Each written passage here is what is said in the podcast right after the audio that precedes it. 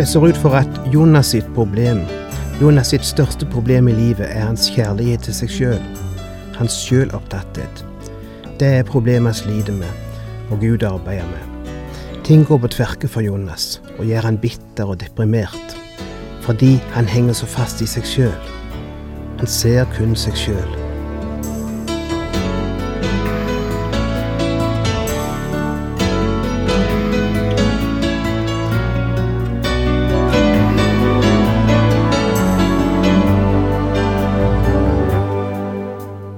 Velkommen til et nytt program i serien Vindu mot livet, basert på programserien Insight for living med Chuck Svindal. Programmet er produsert av Kristen Riksradio, og taler er Ola Bjoland.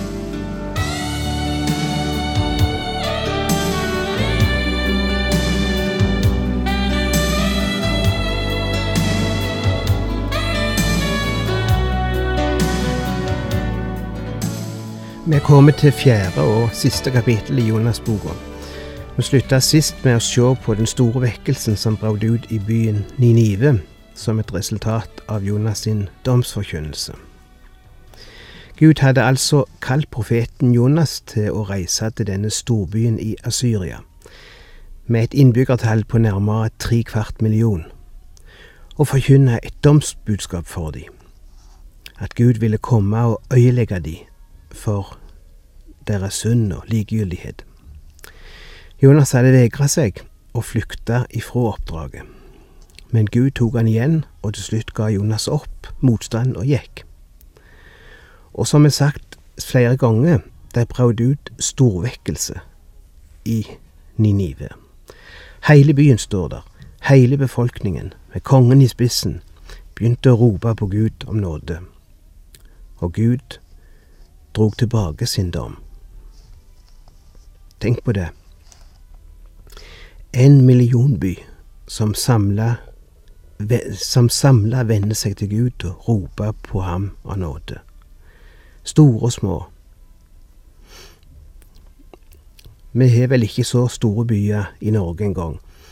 Jeg vet ikke hvor mange innbyggere det er i Oslo, som er vår største by. Men tenk dere at hele Oslo kom i brann, åndelig talt. Og tenk deg at i løpet av tre-fire dager kom hele Oslo, hele befolkningen, med ordfører og byråd i spissen, på møte og ga seg over til Gud. Jeg vet ikke hvor det møtet skulle, vært holdt, forresten, som skulle romme hele befolkningen i Oslo. Det måtte vel ha vært et friluftsmøte.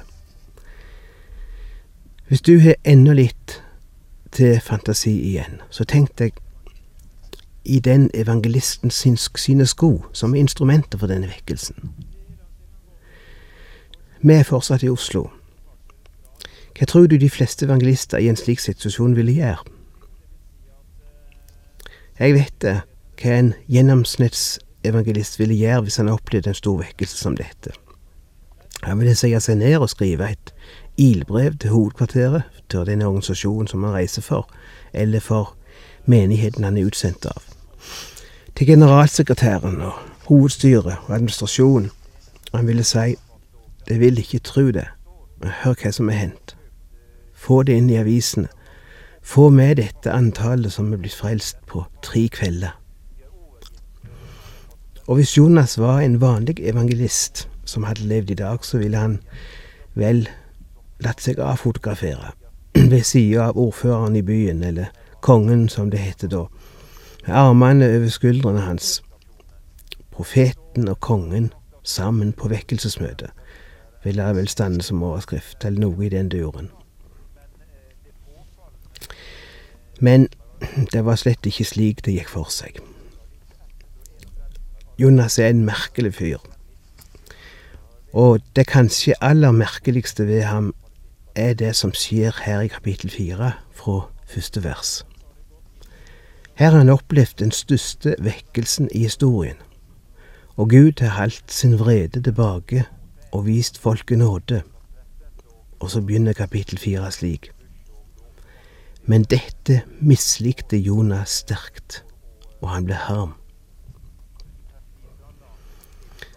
Jeg forstår ikke hvorfor de norske oversettelsene ikke har fått det med, slik som de engelske.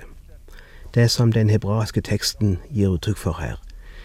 For den sier rett ord at Jonas blei nedtrykt, blei deprimert. Hvordan kan det skje? Det som er hendt her, ville gjort nok til å fyre opp og gi mot til mange trøtte og deprimerte forkynnere i Guds rike.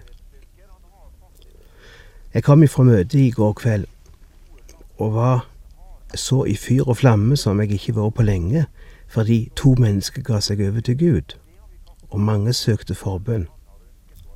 Det var nok til å tenne opp meg.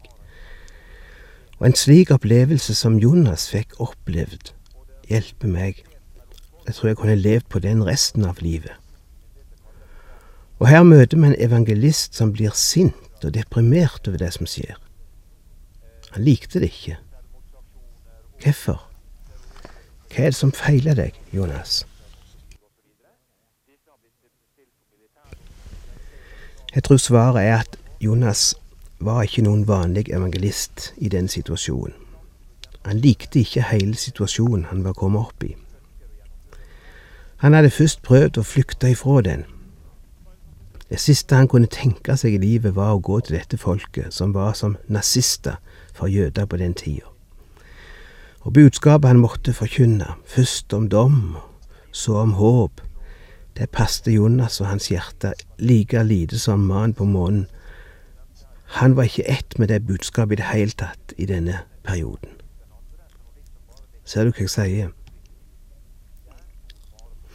Kanskje du må være evangelist eller forkynner for å forstå dette. Men en forkynner kan være i den situasjonen at det siste han kan tenke seg, er å gå ut og tale den kvelden. Det kan være at han er trøtt, det kan være at han ikke liker plassen, eller ikke liker folket der, eller liker, ikke liker situasjonen. Det kan være at han sjøl er i konflikt med Gud for tida, at han sjøl ikke har det godt. Og å stå og forkynne evangeliet kan oppleves som rene hykleriet da. Men møtene er annonsert, og han har ikke noe valg. Og så skjer det merkelige at ordet kan virke likevel. På tross av forkynneren, har jeg nesten sagt. På tross av hans følelser, hans innstilling, hans hykleri. Ordet blei forkynt, og ordet virka. Jeg har opplevd det slik sjøl. Og ingen var så negativ til hele den situasjonen som Jonas.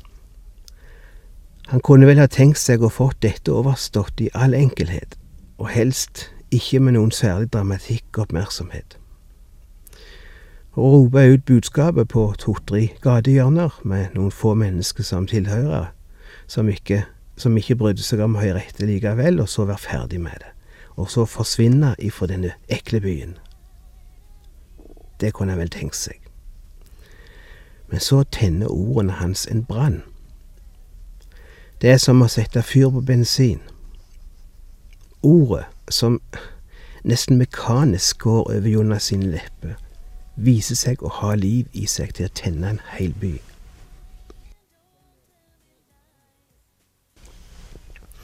Jeg kommer på ungene som hadde fått tak i noen klistremerker med 'Jesus elsker deg', og 'Jesus er veien', og 'Jesus kommer igjen', og alt det der. Og de lekte med hunden en dag, og de klistra disse merkene på hunden, som uvitende sprang rundt i nabolaget og fortalte naboer 'Jesus kommer igjen', videre. Du vet, Ingen var mindre berørt av det budskapet enn hunden sjøl. Men det kan veldig godt hende at noen av de som las budskapet, ble berørt. Jeg mener ikke at vi skal begynne å sende hunder rundt med evangeliet, selvsagt, men jeg kom på denne morsomme opplevelsen, for den illustrerer det som jeg finner i denne fortellingen om Jonas. Det var ikke noe budskap som passet Jonas dårligere akkurat nå enn det han måtte gå og forkynne til folkene i Ninive. Han var som, for å bruke bildet, som en hund som bare sprang gjennom byen og viste det fram, det ordet Gud hadde hengt på han, uten å legge sin sjel i budskapet, og de fikk budskapet, og de ble frelst. Det er det bildet Bibelen tegner av Jonassens situasjon, både før og etter denne vekkelsen. Den er negativ til hele situasjonen.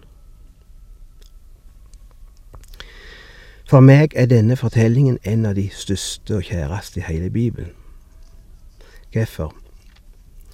Fordi den viser at Gud kan nå mennesket gjennom sitt ord, på tross av den som bærer det fram. Gud kan velsigne budskap òg når jeg ikke riktig er med i det. Òg når jeg går til møte med ulyst. Òg når jeg føler hvordan kan jeg forkynne dette til andre? Jeg har jo ikke fått orden på disse ting i mitt eget liv. Hvis du skal vente til du er perfekt før du deler Guds ord med andre, kommer du til å måtte vente til dommedag. Og hvis Gud kan bruke en opprørsk, negativ, ulydig Jonas og skape historiens største vekkelse gjennom han. Å, hvilke perspektiver det gir for en som ikke føler seg verdig. Som ikke føler seg god nok til å dele Guds ord med andre, forkynne for andre. Ikke vent i tre måneder til du har fått renska opp alle områder i livet ditt. For etter tre måneder er det enda mer lys over livet ditt kanskje, og enda mer skitt vil komme fram. Du blir aldri klar. Aldri mer klar enn du er akkurat nå.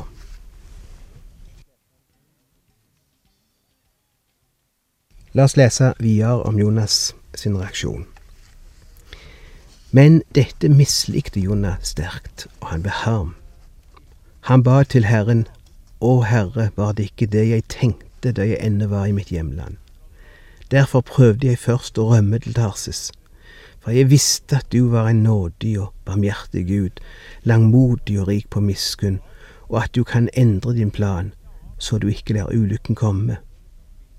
Men nå, Herre, ta livet mitt, for jeg vil heller dø enn leve. Her er noen Jonaser òg i dag som opplever Guds plan i deres liv går tvers av deres egen plan som ikke riktig kan godta det som hender i livet deres, eller det som hendte. For eksempel mora med fire barn som går til doktoren, og doktoren sier Fru Hansen, nummer fem er på vei. Du skal ha barn igjen. Og hun sier å nei, ikke nå igjen. Og noen er faktisk så langt nede at de ber som Jonas, kjære Gud, jeg vil heller dø. Ja, noen er faktisk så langt nede. Det passer ikke nå, Gud. Jeg orker det ikke. Eller det kan være noe annet som hender, og som oppleves umulig. Og vi er så snare til å korsfeste Jonas og slike Jonaser. Tenk at han kunne være så utakknemlig.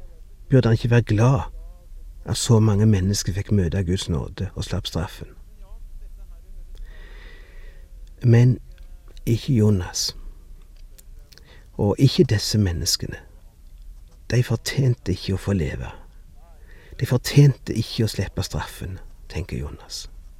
Jonas klarte ikke takle den situasjonen. De var nazister. De var quislinger. De var bødler for hans folk, jødene. Jeg skulle ønske å kunne si at denne historien endte som de fleste eventyrer, at de levde lykkelig alle sine dager. Ja, de gjorde faktisk det, alle så nær som Jonas. Han blei ulykkelig. Han blei bitter. Og legg merke til hvordan Gud tar seg av en bitter, deprimert mann. Det er så nydelig å lese dette, vers fire. Men Herren svarte, har du grunn til å være harm? Metoden Gud bruker overfor denne sinte profeten, er å stille han et spørsmål. Det er god sjelsorg. Noen av dere har opplevd mennesker komme og dele med deg bitterhet og spørsmål imot Gud. Ikke overkjør de med teologi. Ikke kom med masse svar og forklaringer. Ikke overkjør de med 20 bibelvers og fire salmevers. Snakk med de. Lytt til de. Still spørsmål. Ingenting kan åpne et sinn og snu fastlåste tanker som et spørsmål eller to. Det er det Gud gjør overfor Jonas. Hvorfor er du bitter, Jonas? Har du noen grunn? Fortell meg hvorfor du føler det slik. Men Jonas er så uforskamma, hadde jeg nesten sagt, at han ikke engang svarer på det spørsmålet. Jeg finner ikke at Jonas gir Gud noe svar her. Han griper en hammer, noen to tom spigrer og noen trefjøler, og går utenfor byen og bygger seg ei lita hytte. Vers 5. Jonas var gått ut av byen og hadde slått seg ned på østsiden av den. Der hadde han laget seg en løvehytte og satte seg i skyggen under den for å se hvordan det gikk med byen. En slags utkikksplass. Og der sitter han inne i skuret sitt øst for byen og kikka mot byen. Venta på at ildskya skal komme ned og tenne på bødlene. At Gud skal stige ned og straffe folket, slik han hadde tenkt. Slik Jonas hadde tenkt, altså. Men folket i Ninive holder fest. De synger og danser og priser Gud, og har opplevd hva nåde er. De har aldri opplevd noe slikt i sitt liv, og de er i ekstase. Og den som er årsaken til det hele, han sitter oppe i åssida og ser ned og tenker, sjå på dei, de danser og synger. De skulle hatt juling de skulle vært tukta. De skulle få smake konsekvensen av sin synd. Og så avlyser Gud hele dommen og hele oppgjøret, hele straffen. Hva ville du ha gjort med en slik profet hvis du var Gud? Du ville antagelig lukket døra, hengt en stor hengelås på kroken og sett fyr på skuret. Men Gud gjorde ikke det.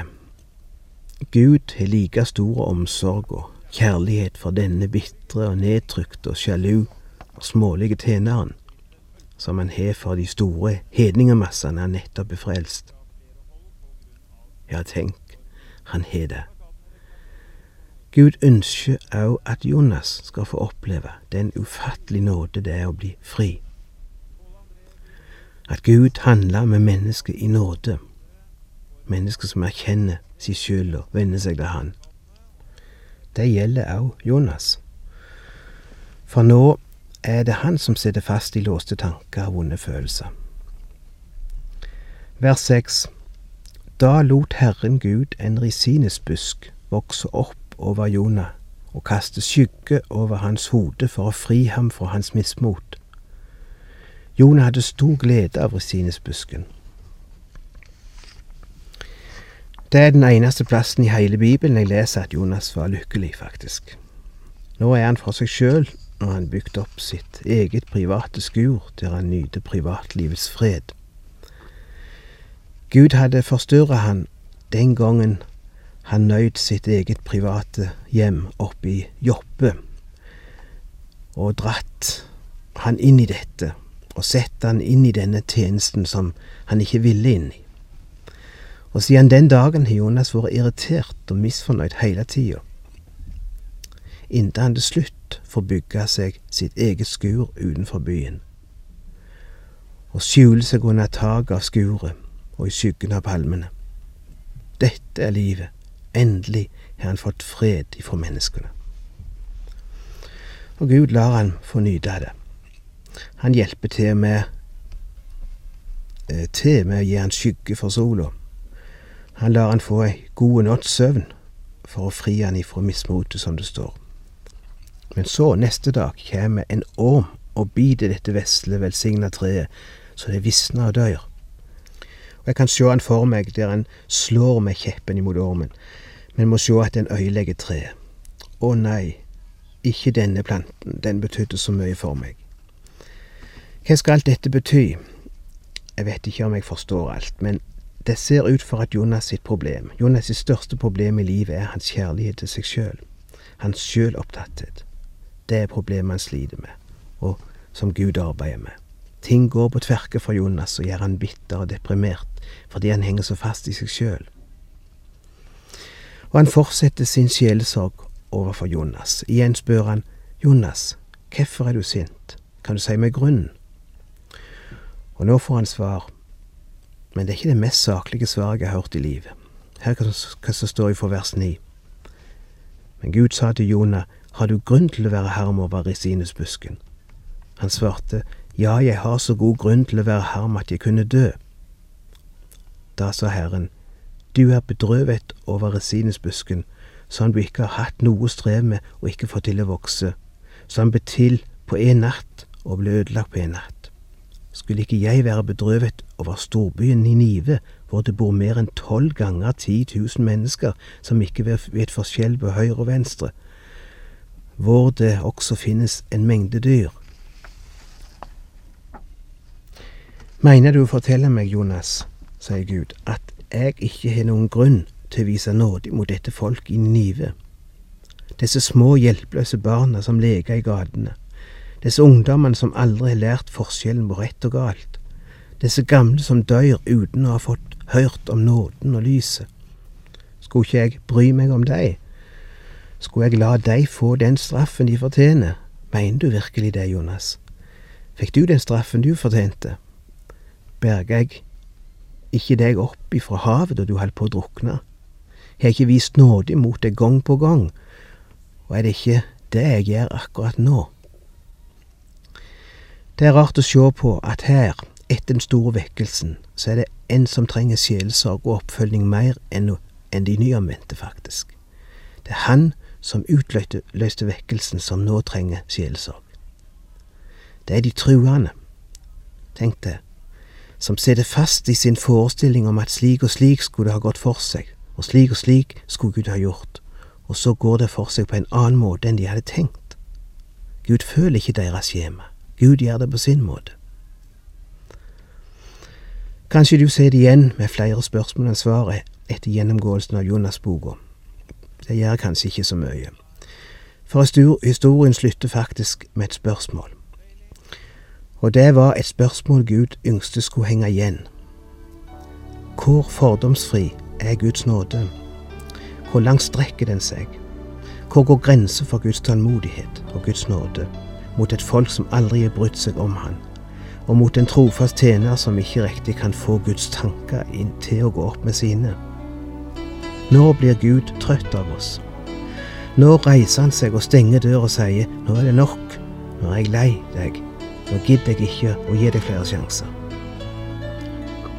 Ja, La det spørsmålet henge der.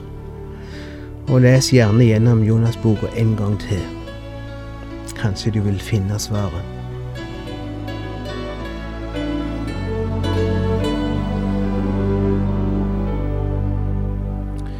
Du har lytta til Ola Bjoland i serien 'Vindu mot livet' fra Kristen Riksradios arkiv.